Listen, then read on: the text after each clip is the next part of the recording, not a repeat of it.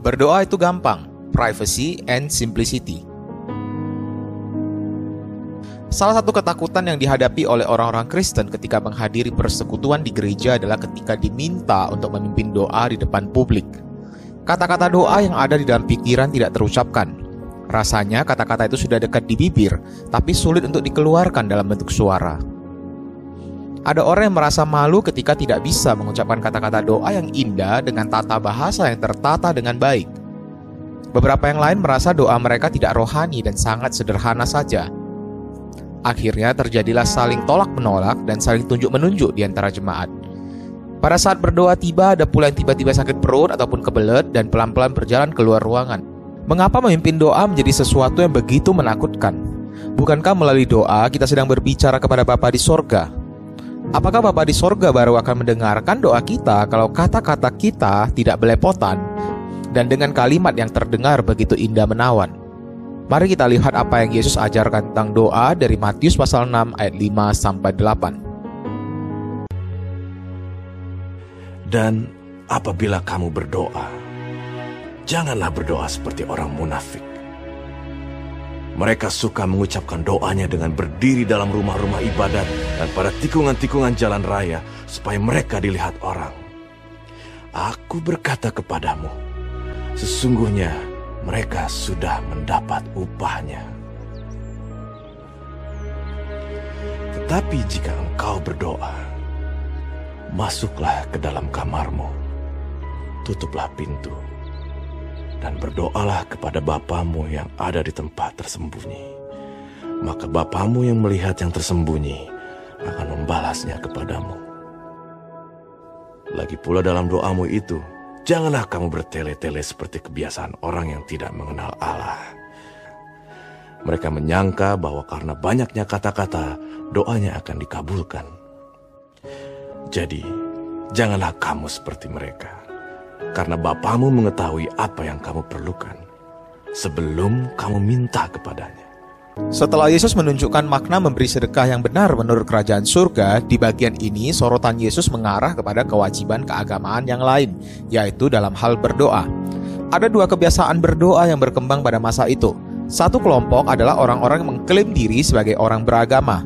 Tetapi Yesus mengatakan bahwa cara mereka berdoa adalah seperti orang munafik. Dan satu kelompok lagi adalah orang yang tidak mengenal Allah yang benar. Mereka berdoa dengan cara mengucapkan kalimat yang bertele-tele.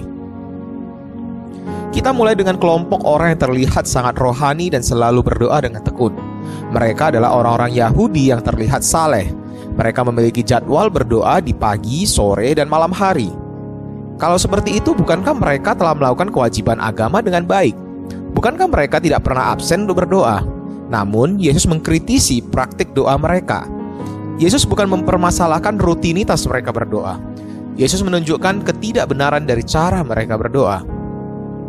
Mereka yang dikatakan oleh Yesus sebagai orang-orang munafik yang berdoa ini adalah para pemimpin agama Yahudi, orang-orang Farisi, dan ahli-ahli Taurat. Mereka dengan sengaja mencari tempat publik di persimpangan jalan, di sinagog atau rumah ibadah orang Yahudi untuk berdoa. Mereka ingin mendapatkan tatapan dari orang banyak yang melihat kesalehan mereka dari luar. Mereka rindu mendapatkan pujian, wah sangat rohani ya, berdoanya sangat tepat waktu, kata-katanya pun indah. Motivasi mereka berdoa adalah pada respon orang lain yang melihat kegiatan keagamaan yang mereka kerjakan. Hati mereka tidak berfokus pada Tuhan sama sekali. Yesus berkata, "Sesungguhnya mereka sudah mendapatkan upahnya." Upah mereka bukan apresiasi dari Bapa di sorga yang mengatakan, Hai engkau hamba yang setia, engkau sudah berdoa dengan sungguh-sungguh. Melainkan, mereka hanya gila hormat dan mencari tepuk tangan dari manusia yang melihat kesucian mereka yang penuh dengan kepura-puraan. Selain itu, isi doa dari orang-orang munafik ini pun menunjukkan betapa baiknya hidup mereka dibandingkan dengan orang lain. Seolah-olah mereka mencari pembenaran atas perbuatan mereka di hadapan Tuhan. Mereka bukan datang dengan hati yang miskin secara roh, hati yang berduka cita atas dosa, hati yang lapar dan haus untuk mencari kebenaran Allah. Catatan dari Lukas pasal 18 ayat 11 sampai 12 memberikan kita pemahaman yang lebih mendalam tentang isi doa dari para pemimpin agama Yahudi ini. Lukas mencatat demikian, Orang Farisi itu berdiri dan berdoa dalam hatinya begini, "Ya Allah, aku mengucap syukur kepadamu karena aku tidak sama seperti orang lain, bukan perampok, bukan orang lalim, bukan penjinak, dan bukan juga seperti pemungut cukai ini. Aku berpuasa dua kali seminggu, aku memberikan sepersepuluh dari segala penghasilanku." Mereka berdoa tanpa merendahkan diri sebagai manusia berdosa di hadapan Tuhan. Mereka menganggap bahwa segala kewajiban keagamaan mereka dapat membenarkan mereka di hadapan Tuhan. Padahal mereka salah besar. Hanya oleh kasih anugerah Tuhanlah Tuhan mengampuni dan membenarkan manusia berdosa. Kelompok yang kedua adalah orang-orang yang tidak mengenal Allah. Dalam konteks ini, mereka adalah orang-orang Yunani dan Romawi yang menyembah dewa-dewa mereka. Orang-orang Yahudi biasanya menyebut mereka ini dengan sebutan orang kafir, para penyembah berhala, orang-orang yang tidak mengenal dan tidak menyembah Tuhan. Cara mereka berdoa berbeda lagi dengan orang-orang munafik. Mereka seperti mengoceh, mengulangi kata-kata doa mereka secara berulang-ulang, seperti tanpa berpikir. Mereka mengira bahwa dengan banyaknya kata-kata yang dinaikkan, doa mereka akan dikabulkan. Di Perjanjian Lama ada sebuah peristiwa di mana dari pagi sampai dengan siang hari Imam Baal terus berseru, "Ya Baal, jawablah kami." Tercatat di satu Raja-Raja pasal 18 ayat 26. Di Efesus, penyembah Dewi Artemis berteriak terus-menerus, "Besarlah Artemis, dewi orang Efesus!" Selama kira-kira 12 jam. Tercatat di Kisah Para Rasul pasal 19 ayat 34. Namun sayang sekali, sampai suara mereka serak dan tenggorokan mereka kering sekalipun, dewa-dewa itu tidak bisa merespon sama sekali karena berhala mempunyai telinga tetapi tidak bisa mendengar. Kedua praktek doa tadi bukan merupakan gaya murid-murid Kristus di dalam berdoa. Murid Kristus berdoa hanya kepada Bapa di surga, Allah yang selalu siap untuk mendengarkan seruan doa anak-anaknya selama 24 jam sehari, 7 hari seminggu, selama sepanjang tahun. Bahkan Yesus mengatakan bahwa Bapa di surga tahu apa yang kita perlukan. Dia adalah Allah yang maha tahu. Dia tidak perlu laporan daripada kita yang panjang lebar dengan permohonan-permohonan yang dikarang dengan kalimat yang begitu berbunga agar hati Allah tergugah untuk memberkati kita. Murid-murid Yesus dapat menyampaikan doa dengan sederhana, straight to the point, tidak perlu bertele-tele. Bapa di surga mendengarkan doa anak-anaknya dan dia akan menyediakan segala kebutuhan yang kita perlukan.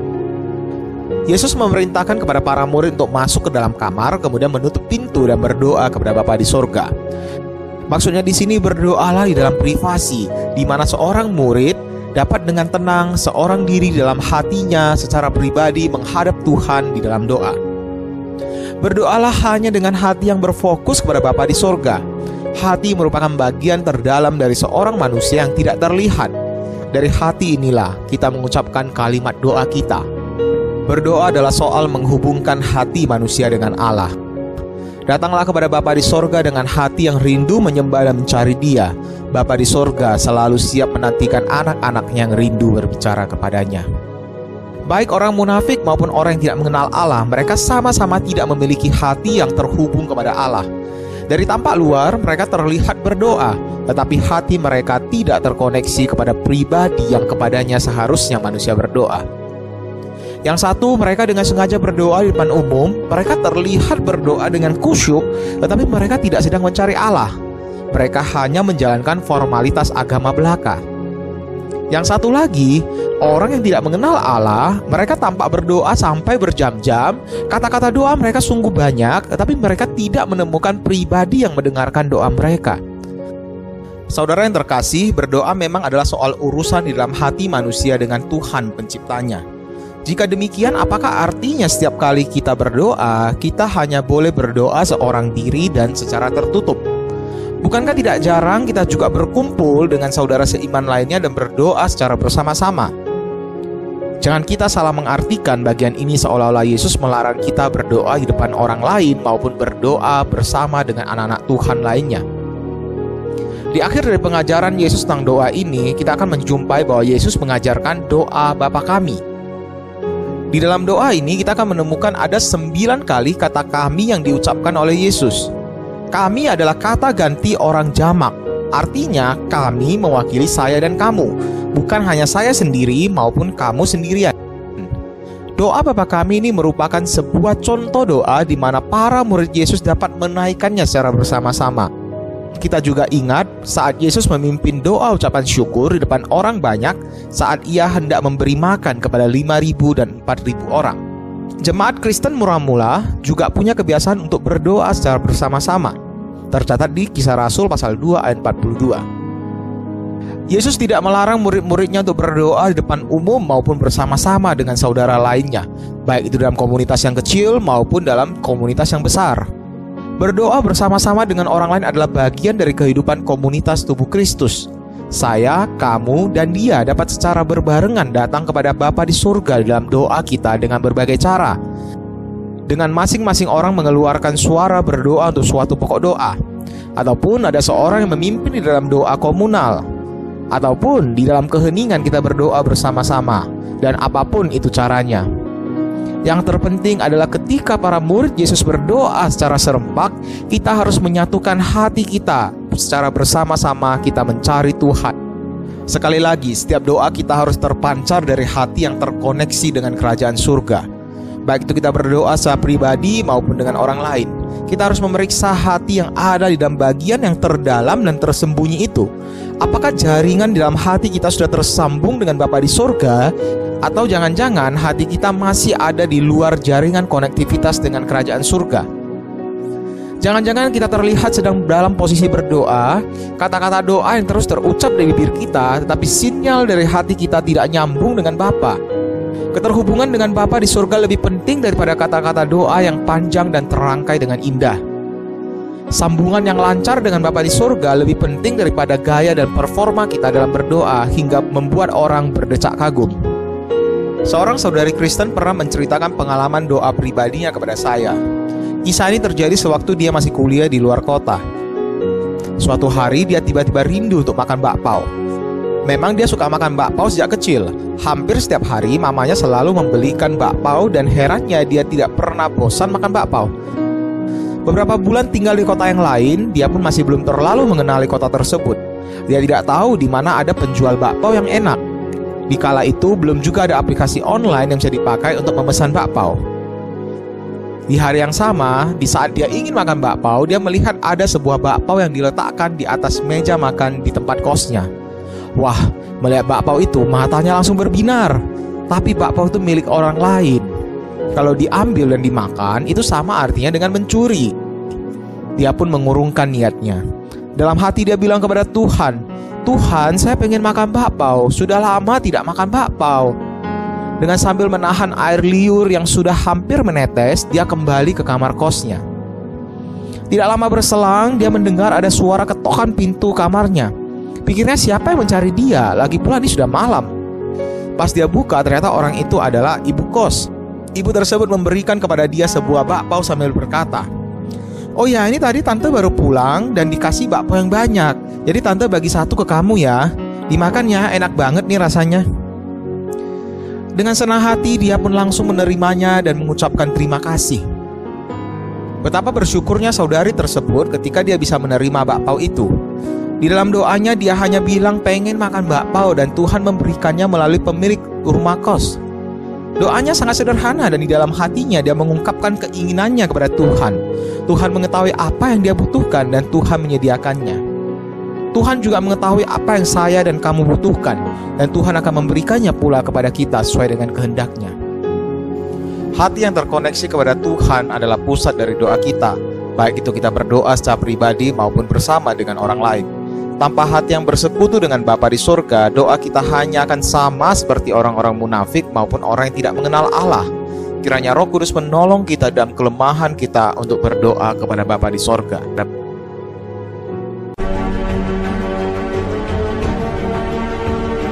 Berdoa adalah salah satu praktik kerohanian kita. Tapi hati-hati, jangan hanya berdoa karena tuntutan agama. Berdoa adalah soal berbicara kepada Tuhan yang Maha Kuasa jadi jangan malu-malu untuk datang menghadapnya sendiri maupun sama-sama. Berdoa adalah membangun relasi dengan Bapa di sorga. Kalau begitu, pakailah hati yang tulus ketika kita mencarinya di dalam doa.